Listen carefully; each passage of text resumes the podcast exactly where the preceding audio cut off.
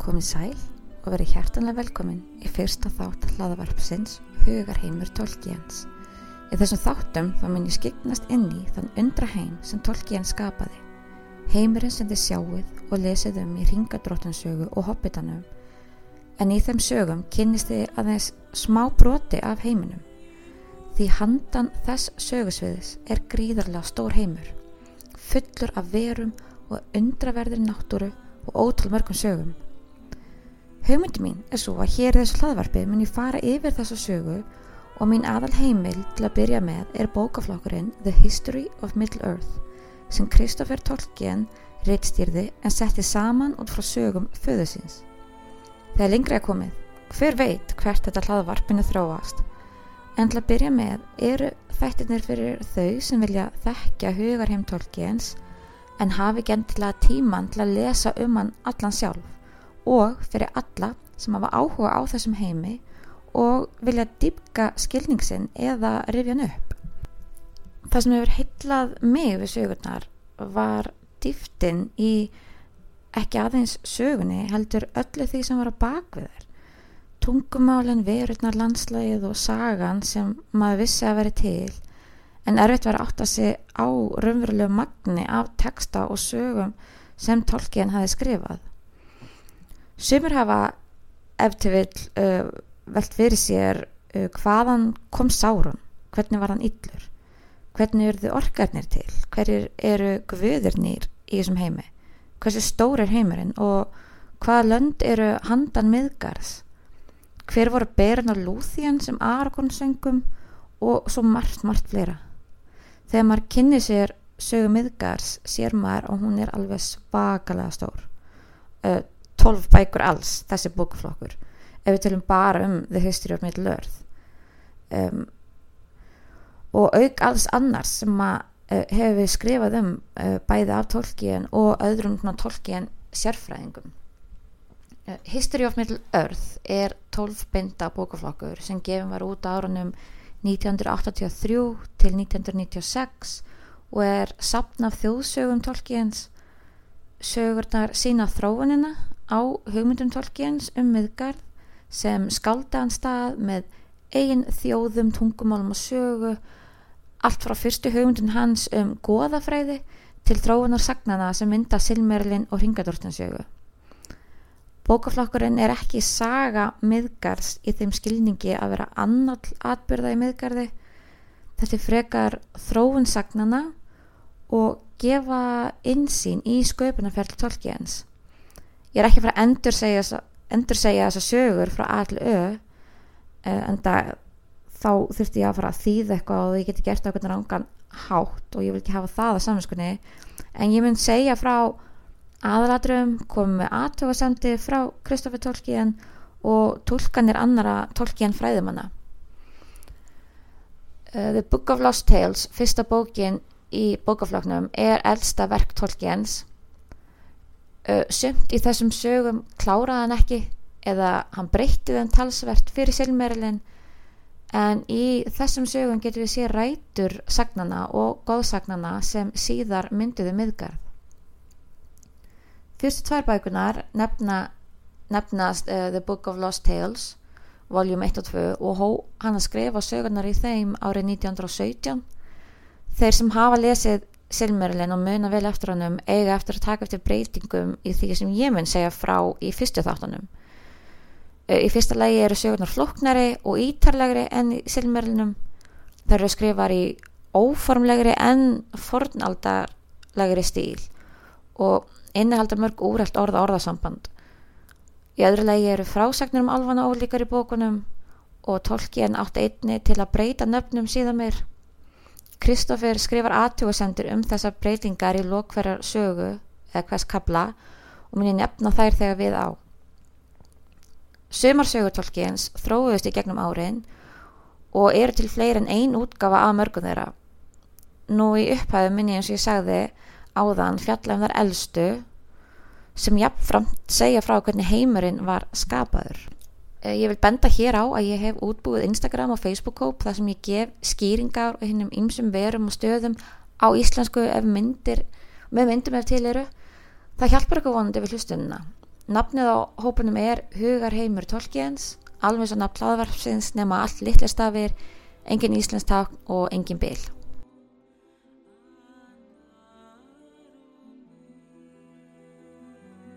Bókin hefst í rammasögu bókarnar með kaplanum The Cottage of Lost Play. Það er heimsækir maður að nefna Eriol eða Alfvæn, alfa eigina Tól RSA. Á ferðalagi um miði eigina kemur hann að svæði sem nefnist Alal Minore. Eriol ákveður að það sé komin tími til að leitað gistingu því sólinn er farin að setjast og fyrstu stjórnunar byrtast á himninum. Hann stendur á hæð þegar hann sér hlikkjartan stíg og kemur þar auga á pínu lítinn kofa sem hann kemst að að nefnist Cottage of Lost Play eða bústæður hins glataða leiks. Þar hittir hann Lindó og Være sem byggðu sumabústæðin fyrir löngu síðan og sjá nú um mörg tínt börn mannana sem hann var dvalið í kór með eldar og minna gera að eilifu.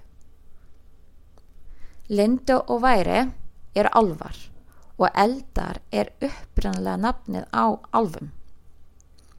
Í sögunum eru sérst alvar kallar eldar en ekki elfs eins og nútíma orðið er. Ég nefndi líka borgina Kór og nafn en hún var höfuborg Gnóma sem var nafn notað yfir ákveðin hóp af alfum í eldri sögunum. Kór var staðsett í Valinor sem er landsvæði vestan við hafið við miðgarð. Ég finn nánir þetta þegar ég fjalla um sköpun heimsins. Þið muni heyra mikið af nöfnum og nýjum orðum sem að mun reynast erfitt að muna, ég veit, en það er tilgangurinn ekki endilega að muna allir þessu nöfn en frekar hafa ánægja á því að heyra um sköpun og hugarheim tolkíhans.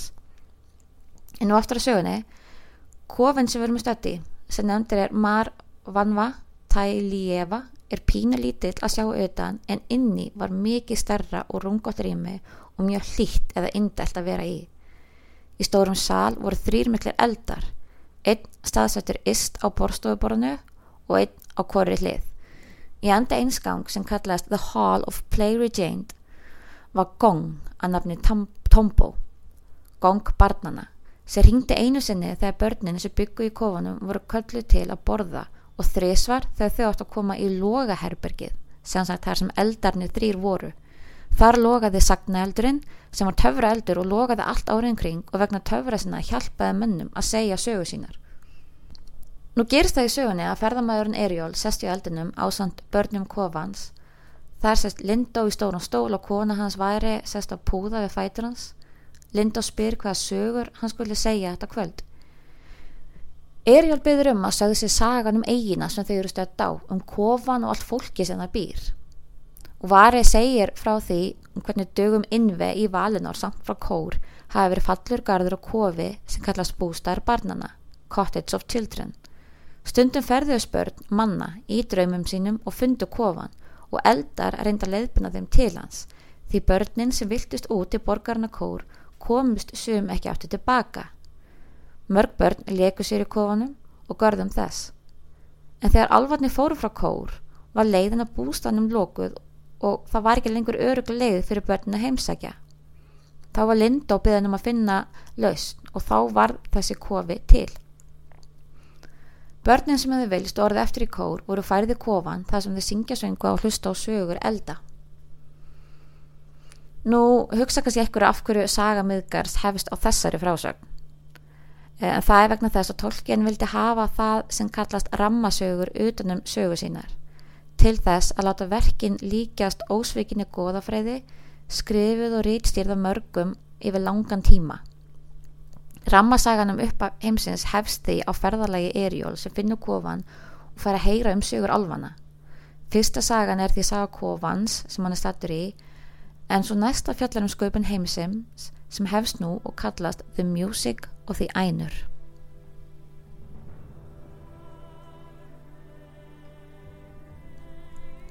Tónlist Ænur eða Ænu Lindale á alfamáli segir frá sköpun heimsins. Illuvatar var upphafið og, og undan honum veit enginn hvað var. Hann var ekki einn af guðunum heldur sá sem skapaði guðuna. Honum er líst sem Lord for Always og hann dvelji handan heimsins. Hann skapaði hann og er ekki hluta á hann en elskar hann. Í upphafi var hann einn hann fór að syngja og með því skapaði hann ænur. Ænur voru guðlegir andar hinn er heilögu. Þeir voru fyrstu og voldugustu verunar sem Illuvatar skapaði. Hver ænu kom frá hluta af huga hans og hafði hvertir að sinn kraft. Illuvatar skapaði einni rými fyrir þá og bjóðar með þeim og kendi þeim margt meðal hans tónlist. Til að ebla skilning þeirra setti Illuvatar fram hugsanir sínar í formi tónlistar og hlustaði þegar ænur útfærið þau á sinn hátt og hægt og rólega lærði þau að syngja í takt við hvert annað. Að lokum síndan þeim stærsta stefi sitt og létt var syngja það saman og áfram með miklum krafti. Þetta var music of the ænur, tónlistin.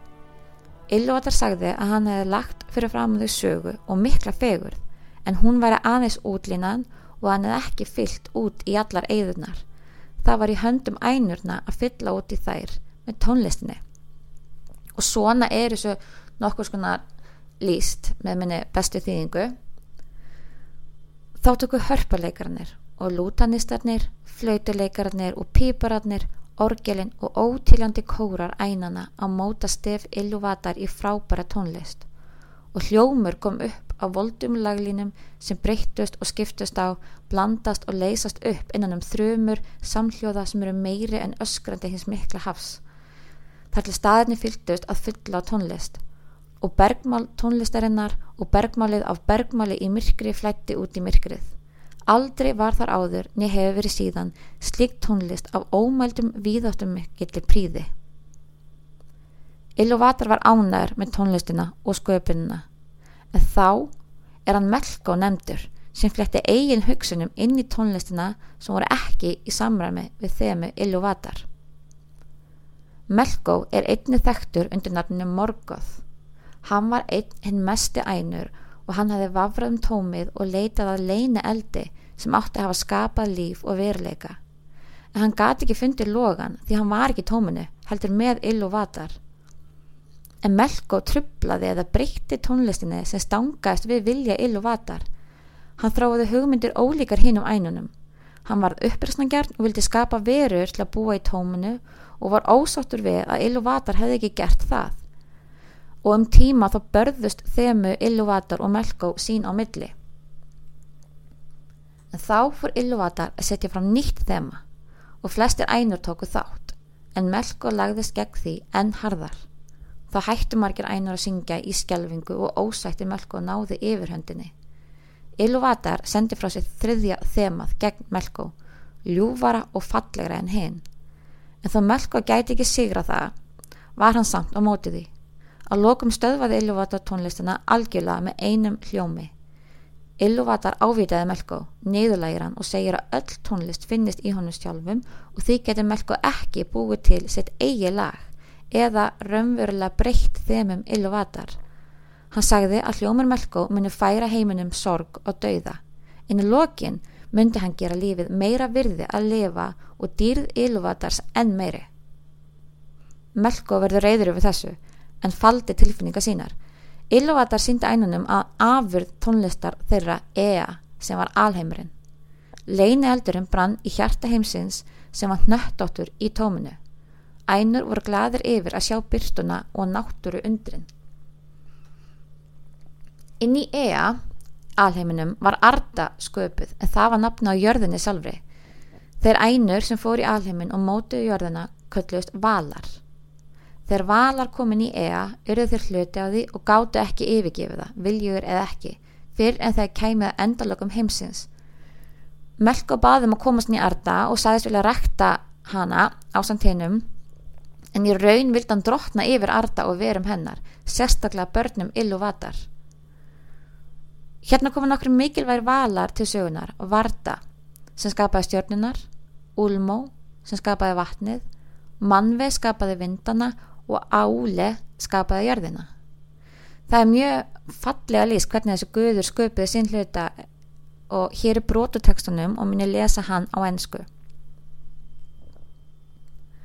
Know then that water was for the most part the dream and invention of Ulmo an Ainu whom Ilúvatar had instructed deeper than all others in the depths of music, while the air and the winds and the ethers of the firmament had Manve Sulimo devised, greatest and most noble of the Ainur. The earth and most of its goodly substances did Aule contrive, whom Iluvatar had taught many things of wisdom, scarce less than Melko, yet was there much therein that was not of his. Iluvatar talaði við Ulma um hvernig Melko hafi skapað ískulda og þannig með sköpum vassins hafi snjór og ís orðið til og með miklum hita hans hafi eldur orðið til og mikill hiti sem náðu þó ekki að þurrk upp vötnin heldur skapað mistur og regn. Hér áðan nefndi ég uh, Children of Iluvatar uh, sem eru eldar eða alvar og menn en þær verur voru sköpun Iluvatar en byrtust ekki á sama tíma. Alvarnir komu fyrst en þó löngu eftir að tónlistin skapaði heiminn en ekki er sagt hversu langur tími leið. Menn byrtust ekki fyrir en þegar sólinn reys upp í lok fyrrialdar mörg þúsundum árum síðar. Ilvator horfi nú á heiminn sem skapar hefur verið og segir að hann sé leiksalur eldars og manna og eldar muni vera fegurstu og hafmyggisumstu verunar en mönnunum veita mikilvægri gjöf. Mönnum verður frjálst að velja sér örljónsín og muni því ekki þurfa að fara eftir ákveðinu sögu saman fyrirfram í tónlist ænana sem um, ég tel að gefa til kynna að alvar fá ekki ráða örlögum sínum heldur hafi fyrirfram ákveðin hlutverk og örlög. En þessi gjöf til mannana fylgja þó í sér að þeir geta aðeins dvalið í heiminum í stuttan tíma en eldar lifa það eilifu og ekki eins og valar vita hvað muni gerast eftir endalögin aðeins illuvatar veit það um, hérna líkur þessari sögu. Næst á eftir er sagan The Coming of the Valar and the Building of Valinor sem ætti þýða sem koma vala og bygging Valinor. Þá er komið að lókum hjá okkur í dag en ég vona að þið hafi notið þess að hlusta og fengi betri insýn í hugarheim tólkjens ég muni hverjum þætti taka fyrir svona eina til tvær sögur eftir hvað eru langar en ég vona að þau notið þess að hlusta í dag og að þau munið halda áfram að hlusta. Takk fyrir mig.